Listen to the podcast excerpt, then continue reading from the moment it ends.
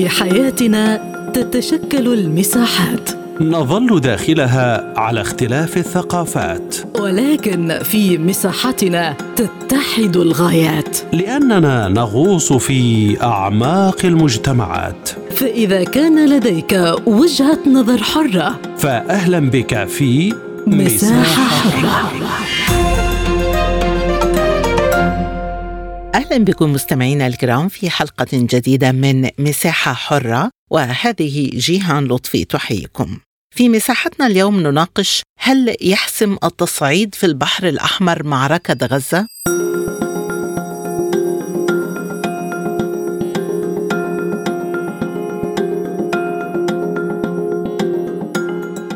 أعلن المتحدث باسم جماعة أنصار الله الحوثية العميد يحيى سريع الاستيلاء على سفينة إسرائيلية واقتيادها إلى الساحل اليمني متوعدا بمواصلة العمليات اليمنية ضد الأهداف الإسرائيلية.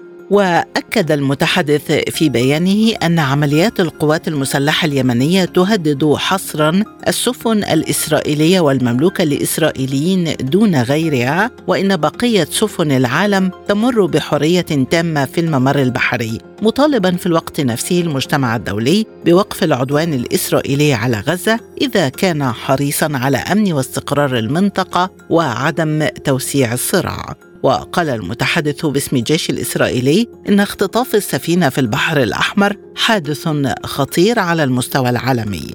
في الوقت ذاته وصل إلى بكين وزراء خارجية عدد من الدول العربية ضمن اللجنة الوزارية المكلفة من القمة العربية الإسلامية الهادفة لوقف الحرب الإسرائيلية على قطاع غزة. وقال وزير الخارجية الصيني في بيان إن بكين تسعى لإعادة إطلاق عملية السلام في الشرق الأوسط. فهل يحسم التصعيد في البحر الأحمر معركة غزة؟ وهل يتحرك الحوثيون بعيدا عن التنسيق مع إيران؟ هل يرتبط التصعيد بالحديث عن قرب إتمام صفقة الاسرى وماذا عن الحراك الدولي المنبثق عن القمة العربية الإسلامية؟ حول هذا الموضوع تدور نقاشاتنا في حلقة اليوم من مساحة حرة. البداية من لبنان ومعنا عبر الهاتف الخبير العسكري والاستراتيجي العميد عمر معربوني مرحبا بك ضيفا عزيزا سيادة العميد وبداية سؤال حلقة اليوم هل يحسم التصعيد في البحر الأحمر من قبل الحوثيين معركة غزة؟ تحياتي لكم. يعني بما يرتبط بحركة أنصار الله الحوثيين سواء عبر استهداف الكيان الإسرائيلي بالصواريخ والمسيرات أو ما حصل البارحة من السيطرة على سفينة إسرائيلية هو في الحقيقة تطور كبير جدا في مسار الصراع. لكن هل يحسم هذا الأمر الصراع؟ لا بالتأكيد. يعني هذا يزيد من حدة الصراع يوسع الصراع يأخذ الصراع نحو آفاق يعني مختلفة تماما. لكن هذا يعني يشكل حالة جزئية من جزئيات الصراع المختلفة وبالتالي يطرح مسألة مهمة جدا. كيف سيؤثر ذلك؟ على الصراع ذاته وعلى مستوى العالم. طبعا من المعروف أن اليمنيين يشرفون بشكل مباشر على باب المندب وأجزاء كبيرة من البحر الأحمر. ومعروف أيضا أن أكثر من ثلث التجارة العالمية تمر عبر باب المندب والبحر الأحمر. وبالتالي ذهاب الأمور إلى مستوى أعلى يمكن أن يؤدي إلى تعقيدات كبيرة. لكن أن يحسم الصراع لا لأنه حسم الصراع يرتبط بقوى دولية وإقليمية. وبالتالي علينا أن نقارب هذه المسألة بأبعد واقعيه وبشكل مباشر. إيران لم تدخل إلى المعركة منذ البداية رغم تصريحات الكثيره بأن الوقت ينفذ قبل خروج الأمور عن السيطرة. برأيك سيادة العميد هل قررت إيران الانضمام أخيرا إلى المعركة أم أن الأمر يبقى في إطار مناوشات محدودة كسابقاتها؟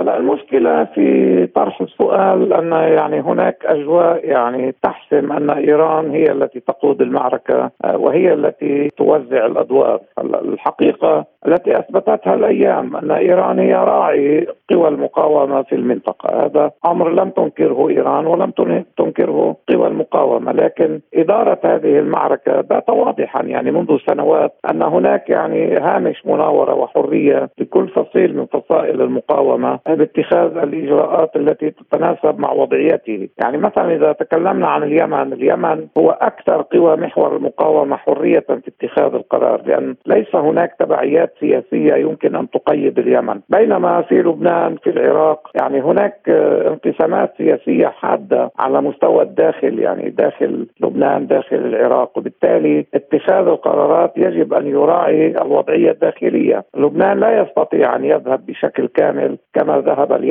على هذا الأساس المقاربات يعني يجب أن تنطلق من خصوصية كل جبهة وبتقديري إيران يعني هي في قلب المعركة هي تدير المعركة في الجانب السياسي تقوم بدورها ويعني ما يمكن أن نطلق عليه التكامل بين القوى لمصلحة يعني المسألة الأساسية وهي الصراع القائم والموجود.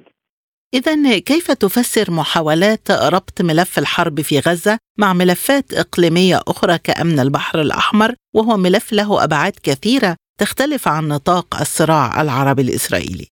طبعا بالتأكيد يعني كل قوة يعني موجودة الآن يعني ستحاول الحفاظ على مجالها الحيوي وستحاول الضغط بما تمتلكه من أدوات وأوراق ضغط، لكن مسألة البحر الأحمر هي مسألة يمكن أن تأخذ الأمور إلى مستوى مختلف تماما، وبالتالي يمكن أن تشكل ورقة ضغط حقيقية على أمريكا، على الدول الأوروبية، على الكثير من دول العالم، ما يحرك الأمور باتجاه إما التصعيد يعني الكامل والمطلق وإما الذهاب نحو العقلانية والتعاطي مع المسائل انطلاقا من المصالح. يعني مثلا عندما نقول أن هناك يعني ثلث التجارة العالم العالمية مرتبطة بباب المندب والبحر الأحمر هذا يعني أن الأمور يمكن أن تتفلت. لكن بالمقابل يمكن أن تنخفض. أنه ما حصل البارحة أجبر الإسرائيليين الآن على اتخاذ قرار يعني بسير 20 إلى 25 يوم إضافيات للسفن الإسرائيلية ويعني هناك يعني مسافة طويلة ستضطر السفن الإسرائيلية لقطعها عبر مضيق جبل طارق يعني بدل أن تذهب مباشرة إلى ميناء إيلات. إذا يعني الضغط الآن باتجاه الإسرائيلي. لا نية لدى اليمن الآن على التعرض للسفن آه، الأخرى الأمريكية والأوروبية. وبالتالي تنحصر المسألة الآن بالضغط على الإسرائيلي. وهنا السؤال هل يستطيع الإسرائيلي أن يتحمل ضغوطا اقتصادية مضافة إلى الضغوط الموجودة حاليا؟ هذا ما ستبينه الأيام. كيف يؤثر التصعيد في البحر الأحمر على معادلة الأمن الجماعي في المنطقة؟ وما سبق من جهود لإنشاء أحلاف لضمان أمن الملاحة في البحر الأحمر؟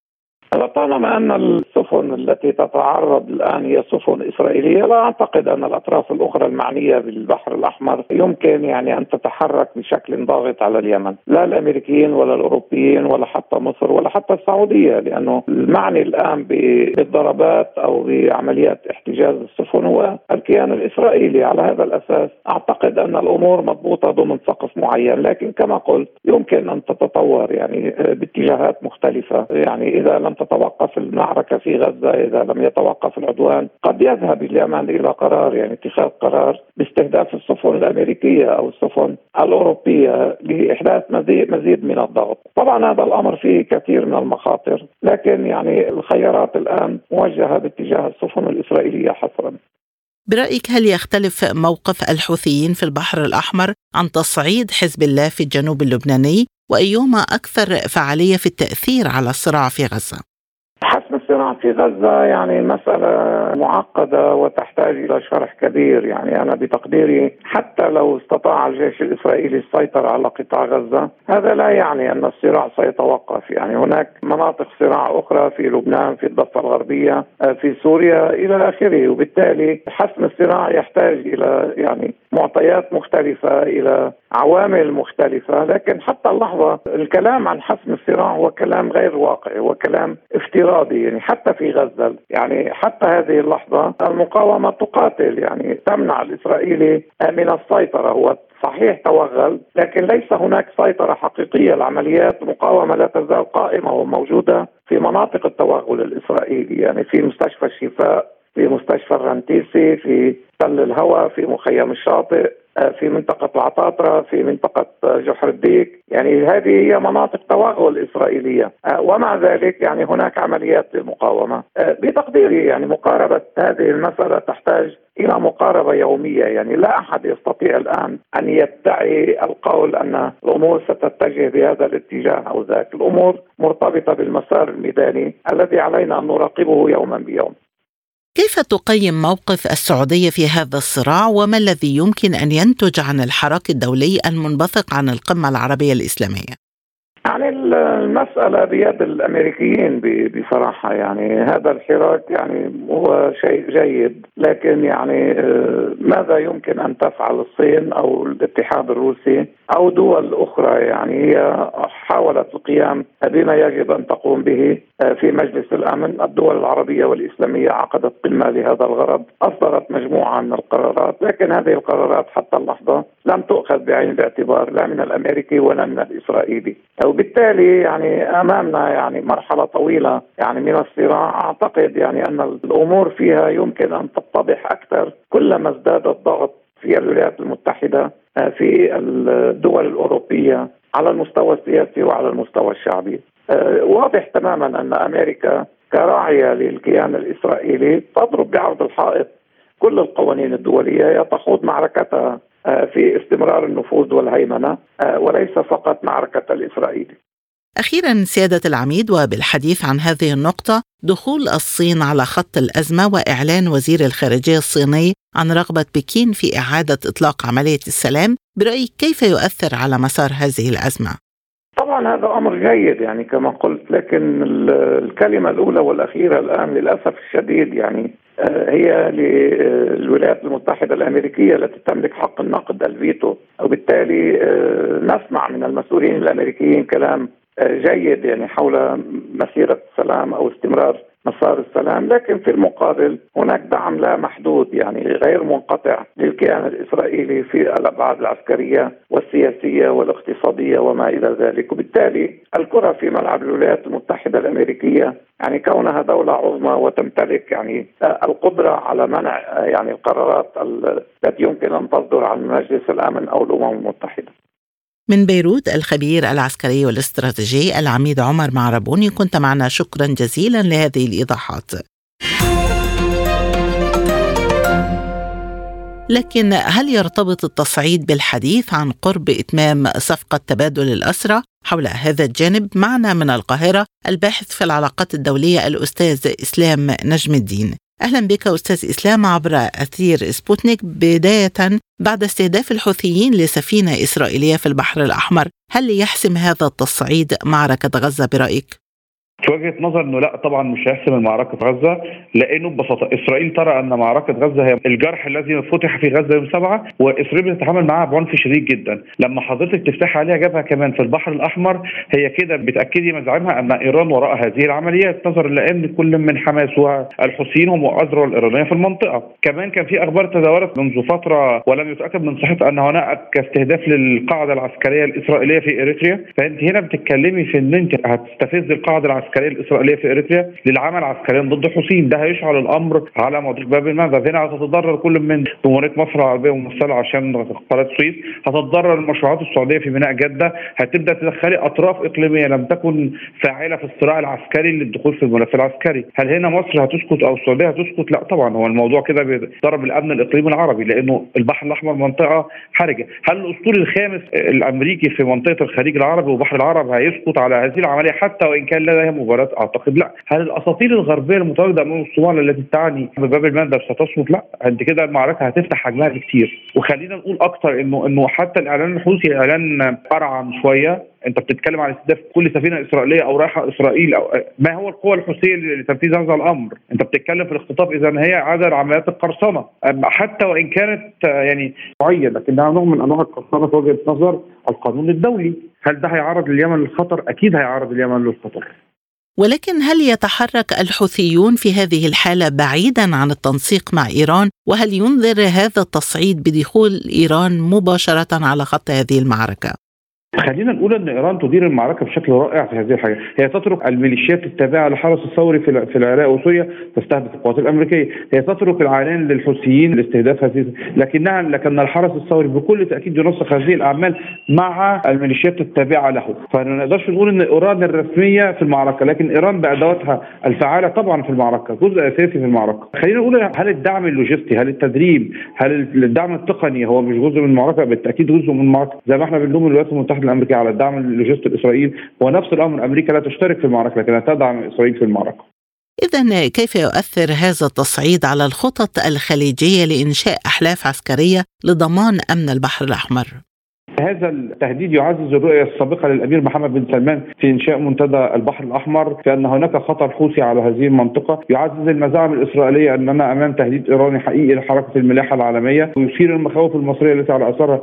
كان إنشاء قاذف بيناس في مصر في جنوب مصر أن هناك تهديد للأمن الجماعي في منطقة البحر الأحمر التي تعد الممر الاساسي لقناه السويس. حتى اليابان نفسها رغم إن وهي لها قوه عسكرية بسيطة في جيبوتي في قاعدة عسكرية في جيبوتي والصين كلها بدأ يبقى لديها قلق. تصريحات أمس كلها من العالم تستنكر فكرة الاستيلاء على سفينة لأنه هذا أمر سيشعل حرب القرصنة مرة أخرى. ولكن هذه المرة لدى الحوثيين ومن سيفعلون ذلك من جماعات أخرى اذا اشتد الصراع لديهم مبرر ديني وخلقي أن هناك صراع في غزة. فأنت النهارده أصبحت غزة مجرد مبرر لكل عمل في هذه المنطقة. برأيك أستاذ إسلام هل يرتبط هذا التصعيد بالحديث عن قرب إتمام صفقة الأسرة بين إسرائيل وحماس أم أن هذا التطور لم يؤثر بالمرة على هذا الملف؟ بشكل مباشر لن يؤثر، الحوثيين أطلقوا عدة صواريخ ومسيرات في الفترة الأخيرة منها ما أصابت ايلات ومنها ما سقطت في موضع المصرية وطابة ومنها من تم استهدافه من خلال البحريه الأمريكية في البحر الأحمر ومنها ما سقط عمدا فلم تؤثر في المعركة، لا أظن أن معركة الأسرى ستحسم من خلال هذا هذا الأمر، لكن معركة الاسرى ستحسم داخليا في ظل التطورات والرغبة الإسرائيلية في دخول شرق وجنوب غزة، وأرى كمان إنه إسرائيل بدأت مع قتلاها اللي بيظهروا كل فترة من خلال القصف يصبح إزعاج. الاسرى ستحل داخليا، كثر الضغط على نتنياهو سيسبب أزمة كبيرة له مما قد يجعل هناك مفرجه في موضوع الاسرى. ولكن كيف تتصرف مصر اذا حيال هذا الاضطراب في البحر الأحمر وهل يمكن أن يؤثر على حركة الملاحة في قناة السويس؟ أعتقد أن مصر انه سيكون اتصال ما بين وزير الخارجية المصري والإيراني وإن لم يكن هناك تدخل من الرئيس السيسي بشكل شخصي مع الرئيس الإيراني رئيسي. والى الآن ليس هناك مؤشرات لأن هناك تقليل في العبور باب المندب. ولكننا سنرى ان سنرى ما خلال إذا تم استهداف سفن لدول أخرى قد تكون ذاهبة لبناء ايلات هو مشكلة السفينة دي إنها عليها ضباط إنها عليها إسرائيليين ومملوكة لشركة إسرائيلية. ومالك الشركة ده نفسه مقرب من رئيس الموساد السابق. فعشان كده هو عليها ضجر. لكن خلينا نشوف هل هيكرروا المحاولة دي ولا لأ. هل القوات الأمريكية هتدفع بتعزيز على باب المندب ولا لأ؟ دي كلها أمور ال 48 ساعة ال 72 ساعة الجاية هتكشف هذه الأمور. أخيرا الحوثيون هددوا ونفذوا استهدافا لسفن في البحر الأحمر. برأيك هل ينبئ هذا التصعيد بتوسيع نطاق الصراع وخروج الأمور عن السيطرة في الإقليم؟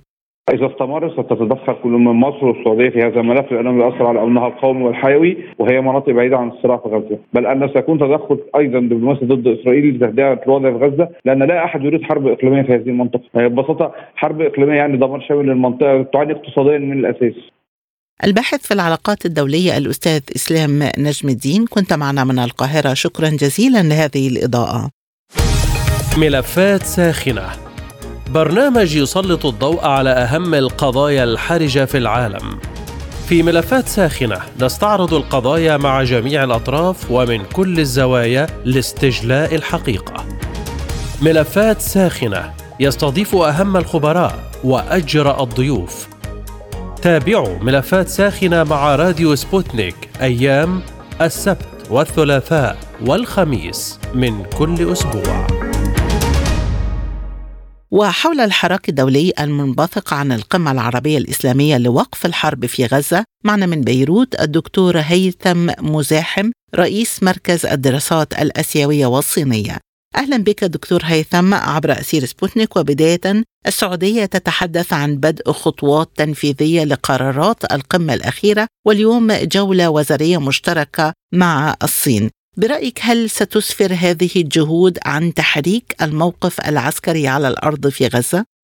تحية لك مستمعينا الكرام. يعني نحن نأمل أن تسفر كل الجهود العربية والإسلامية والدولية عن وقف هذا العدوان الوحشي البربري المنقطع النظير يعني على مدنيين في الفلسطينيين في قطاع غزة. ولكن لا تزال هذه الجهود قاصرة عن يعني الضغط على الولايات المتحدة الأمريكية وبدورها تضغط على الاحتلال الاسرائيلي وقف عدوانه على قطاع غزة وخاصة على المستشفيات والمدارس والمنازل المدنيين في قطاع غزة. يعني اليوم يزور وفد عربي إسلامي تشكل من القمة العربية الإسلامية الأخيرة في الرياض ليزور الصين يعني دفع الصين يلعب دور أكبر وأقوى كما عبر وزير الخارجية المصري للضغط على يعني على إسرائيل ولوقف العدوان ولكن يعني كما نعلم أن يعني الصين بدورها في مجلس الأمن قد تلعب دورا جيدا وهي وهي لعبت مع روسيا دورا في وقف بعض المشاريع القرارات الأمريكية من خلال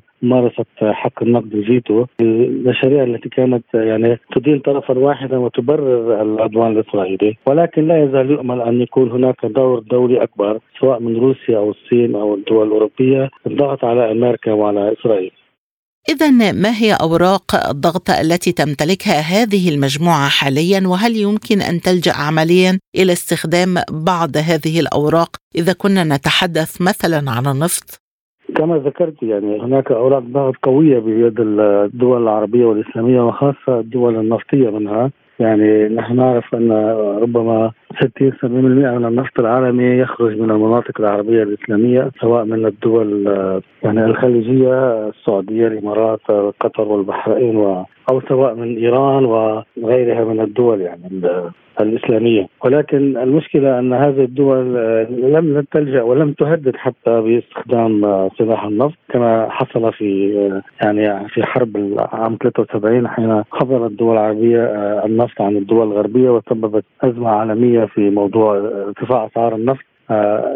ربما هذا الدول يعني لم تعد بنفس الحماس والقوة لاستخدام هذا هذا السلاح ولكن مطلوب ان, على الأقل أن يهدد باستخدامه، هناك أوراق عند دول مثلا تطبع مع إسرائيل وتقيم علاقات دبلوماسيه مع إسرائيل يعني مصر والأردن وتركيا والبحرين والإمارات، يعني على الأقل تقطع علاقاتها ويجمد علاقاتها حتى يتوقف العدوان، لا تزال هذه الدول يعني خجولة ومترددة في ممارسه أوراقها برغم يعني أنه هناك قرارات في القمة العربية يعني أنه هناك إجماع على أنه وقف العدوان والضغط على إسرائيل ولكن هذه المشكلة أن هناك خوف ربما أو مصالح يعني لا يجوز التفريط بها مع أمريكا أو إسرائيل هل يمكن أن تضحي هذه الدول بمصالحها الاقتصادية في سبيل حل أزمة فلسطين رغم الانقسام الفلسطيني الداخلي نفسه وانفراد حماس بقرارات كبرى أدت إلى تداعيات خطيرة؟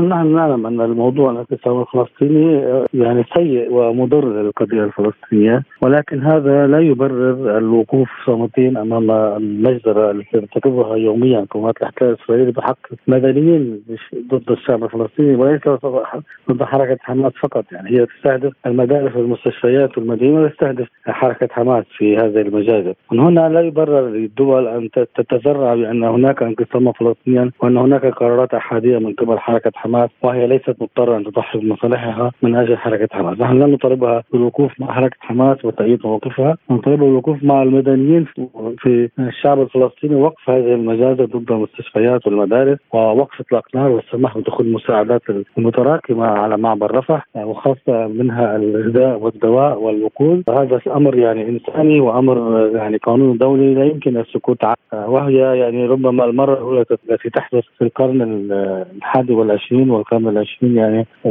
أمام عدسات العالم تتم هذه المجازر على المستشفيات والمدارس والعالم يقف صامتا يعني. يعني حتى هذه المجازر ربما حصلت مجازر في كوسوفو وفي بوسنا ولكن لم تكن تراقب من قبل كاميرات العالم في ذلك الحين. لم يكن الإعلام قد تطور وكان هناك هذه الفضائيات وهذه ال social media والبث المباشر لهذه المجازر مع ذلك تدخلت الدول الغربية في بوسنا وكوسوفو لوضع حد لهذه المجازر الآن نرى صمتا رهيبا وتبريرا باسم حق الدفاع عن النفس لقوات الاحتلال الاسرائيلي وهو أمر غير مقبول انسانيا واخلاقيا وقانونيا برأيك دكتور هيثم هل يعبر موقف السعودية عن حجم المطلوب من المملكة كقوة تحاول اتخاذ وضع القيادة في المنطقة؟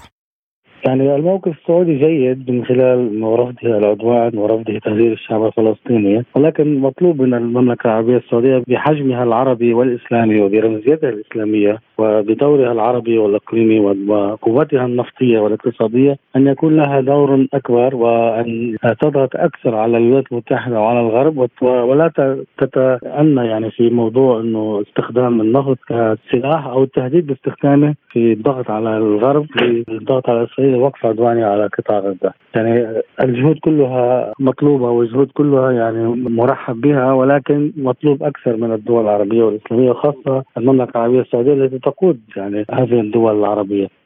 وزير الخارجية الصيني يقول إن بكين ستحاول إعادة إطلاق مسار عملية السلام مجددا في الشرق الأوسط. برأيك هل تنجح الصين في هذا المسعى؟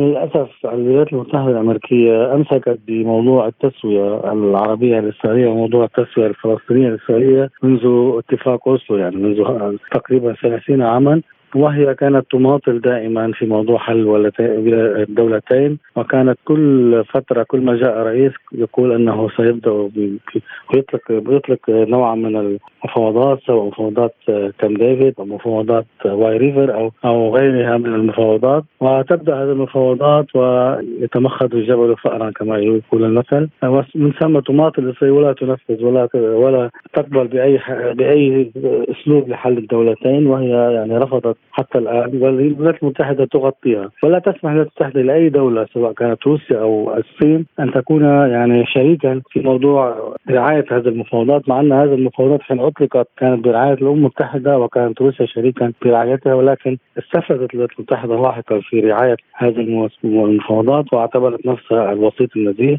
وهي ظهرت يعني دائما أنها ليست وسيطا وليست نزيهة وهي منحازة بالكامل بل بل تقود هذا العدوان على الفلسطينيين. لا أتوقع أن تقبل الولايات المتحده واسرائيل بدور الصيني في هذا المجال ولكن يعني الدور الصيني مطلوب ومرحب به من خلال ممارسة ضغوطها على الأقل تأثير على الرأي العام وإظهار أن من هو الذي يعرقل السلام في المنطقة ومن هو الذي يرفض يعني وقف العدوان. والمشكلة أن المشكلة لا تزال عند الولايات المتحدة ولا تزال الضغوط على الولايات المتحدة وعلى إسرائيل غير متناسبة مع حجم المجازر التي تقوم بها إسرائيل في فلسطين.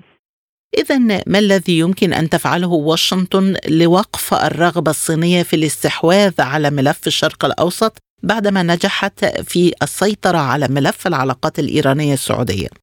يعني من المبكر الحديث أن الصين ستستحوذ على ملفات الشرق الأوسط لأنها لا تزال لاعبا آه، يعني جديدا وهي يعني تقوم بخطواتها بحذر وتأنن وليست مستعجلة يعني على الحلول محل الولايات المتحدة الأمريكية ولكنها هي وروسيا يعني. بدأت في لعب دور في المنطقة روسيا من خلال تدخلها في سوريا من خلال يعني لقاءاتها بحركة حماس من خلال علاقتها مع إيران. والصين كذلك من خلال رعايتها الاتفاق مع السعودية وإيران من خلال الآن قيادتها للمجموعة العربية الإسلامية في موضوع وقف العدوان على غزة. لكن يعني الصين لا تزال يعني تتدخل بخطوة خطوة ولا ولا ليست مستعجلة. وحتى الولايات المتحدة لن تسمح لها ب يعني لعب دور رئيسي كبير محلها في في الشرق الأوسط. آه، الولايات المتحدة لا تزال تمتلك يعني اوراقا قوية سواء من خلال علاقتها التحالفيه العضوية مع الاحتلال الإسرائيلي من جهه، خلال علاقتها ببعض الدول العربية الرئيسية في المنطقة سواء في دول الخليج أو في مع مصر والأردن،